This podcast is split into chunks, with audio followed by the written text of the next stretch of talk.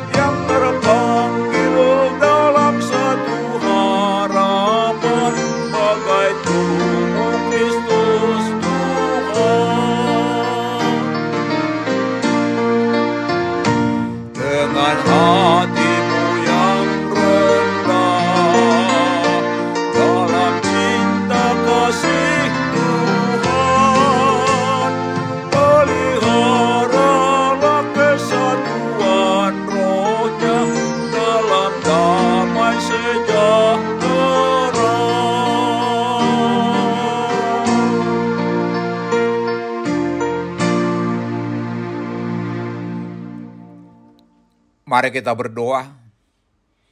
Tuhan, di pagi hari ini kami datang kepadamu menaikkan puji-pujian dan ucapan syukur kami atas segala kasih setiamu, segala berkat-berkat dan penyertaanmu dalam hidup kami. Di pagi hari ini kami hendak mendengarkan dan merenungkan firman-Mu. Berikan kepada kami hikmat dan pengertian untuk memahami firman-Mu. Dan tolong kami Tuhan untuk melakukan firman-Mu dalam kehidupan kami. Dalam nama Tuhan Yesus kami berdoa. Amin. Saudara-saudara yang dikasihi Tuhan Yesus, firman Tuhan untuk kita renungkan di pagi hari ini terambil dari 1 Petrus 3 ayat 8 dengan tema Hendaklah kamu semua saling mengasihi, demikian firman Tuhan. Dan akhirnya, hendaklah kamu semua seia sekata, seperasaan, mengasihi saudara-saudara, penyayang, dan rendah hati. Saudara-saudara yang dikasihi Tuhan Yesus, topik renungan di minggu Advent keempat ini ialah Sambutlah dia yang dijanjikan Allah. Siapakah dia yang dijanjikan Allah? Dialah juru selamat dunia yang akan menyelamatkan dunia ini. Manusia yang hidup dalam perhambaan dosa tidak dapat lagi menyelamatkan dirinya. Tetapi Allah berinisiatif untuk menyelamatkan dunia ini. Bagaimana kita menyambut juru selamat dunia itu? Mari kita sambut dengan sukacita dan mempersiapkan jalan baginya. Saudara-saudara yang dikasihi Tuhan Yesus, ayat renungan hari ini diambil dari perikop dengan judul Kasih dan Damai. Rasul Petrus menasihati semua pengikut Kristus tentang sikap yang harus dinyatakan yang satu terhadap yang lain dalam perkataan dan perbuatan. Seia sekata berarti sepikiran.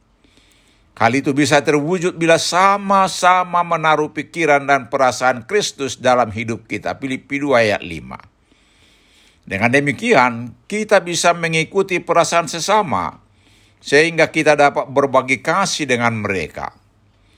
Kasih itu harus menjadi tanda yang sah dari persekutuan orang Kristen.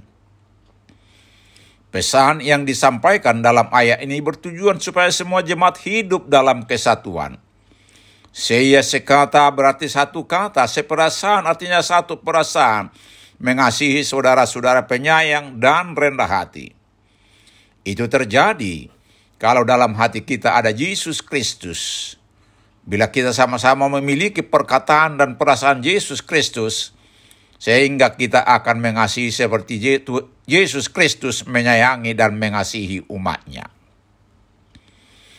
Saudara-saudara yang dikasihi Tuhan Yesus, sekarang pesan ini ditujukan kepada kita orang Kristen yang terbagi dalam berbagai aliran. Kita semua diminta untuk seia sekata, seperasaan, mengasihi, penyayang, dan rendah hati dalam hidup kita. Itu dapat terjadi kalau semua sadar bahwa kepala gereja adalah Kristus dan kita adalah tubuhnya. Tubuh harus taat kepada kepala. Syarat untuk mengikut Yesus ialah menyangkal diri dan memikul salib. Marilah kita izinkan Yesus Kristus bertahta dalam hati kita. Supaya kita bisa seia sekata, seperasaan seperti pesan ayat hari ini.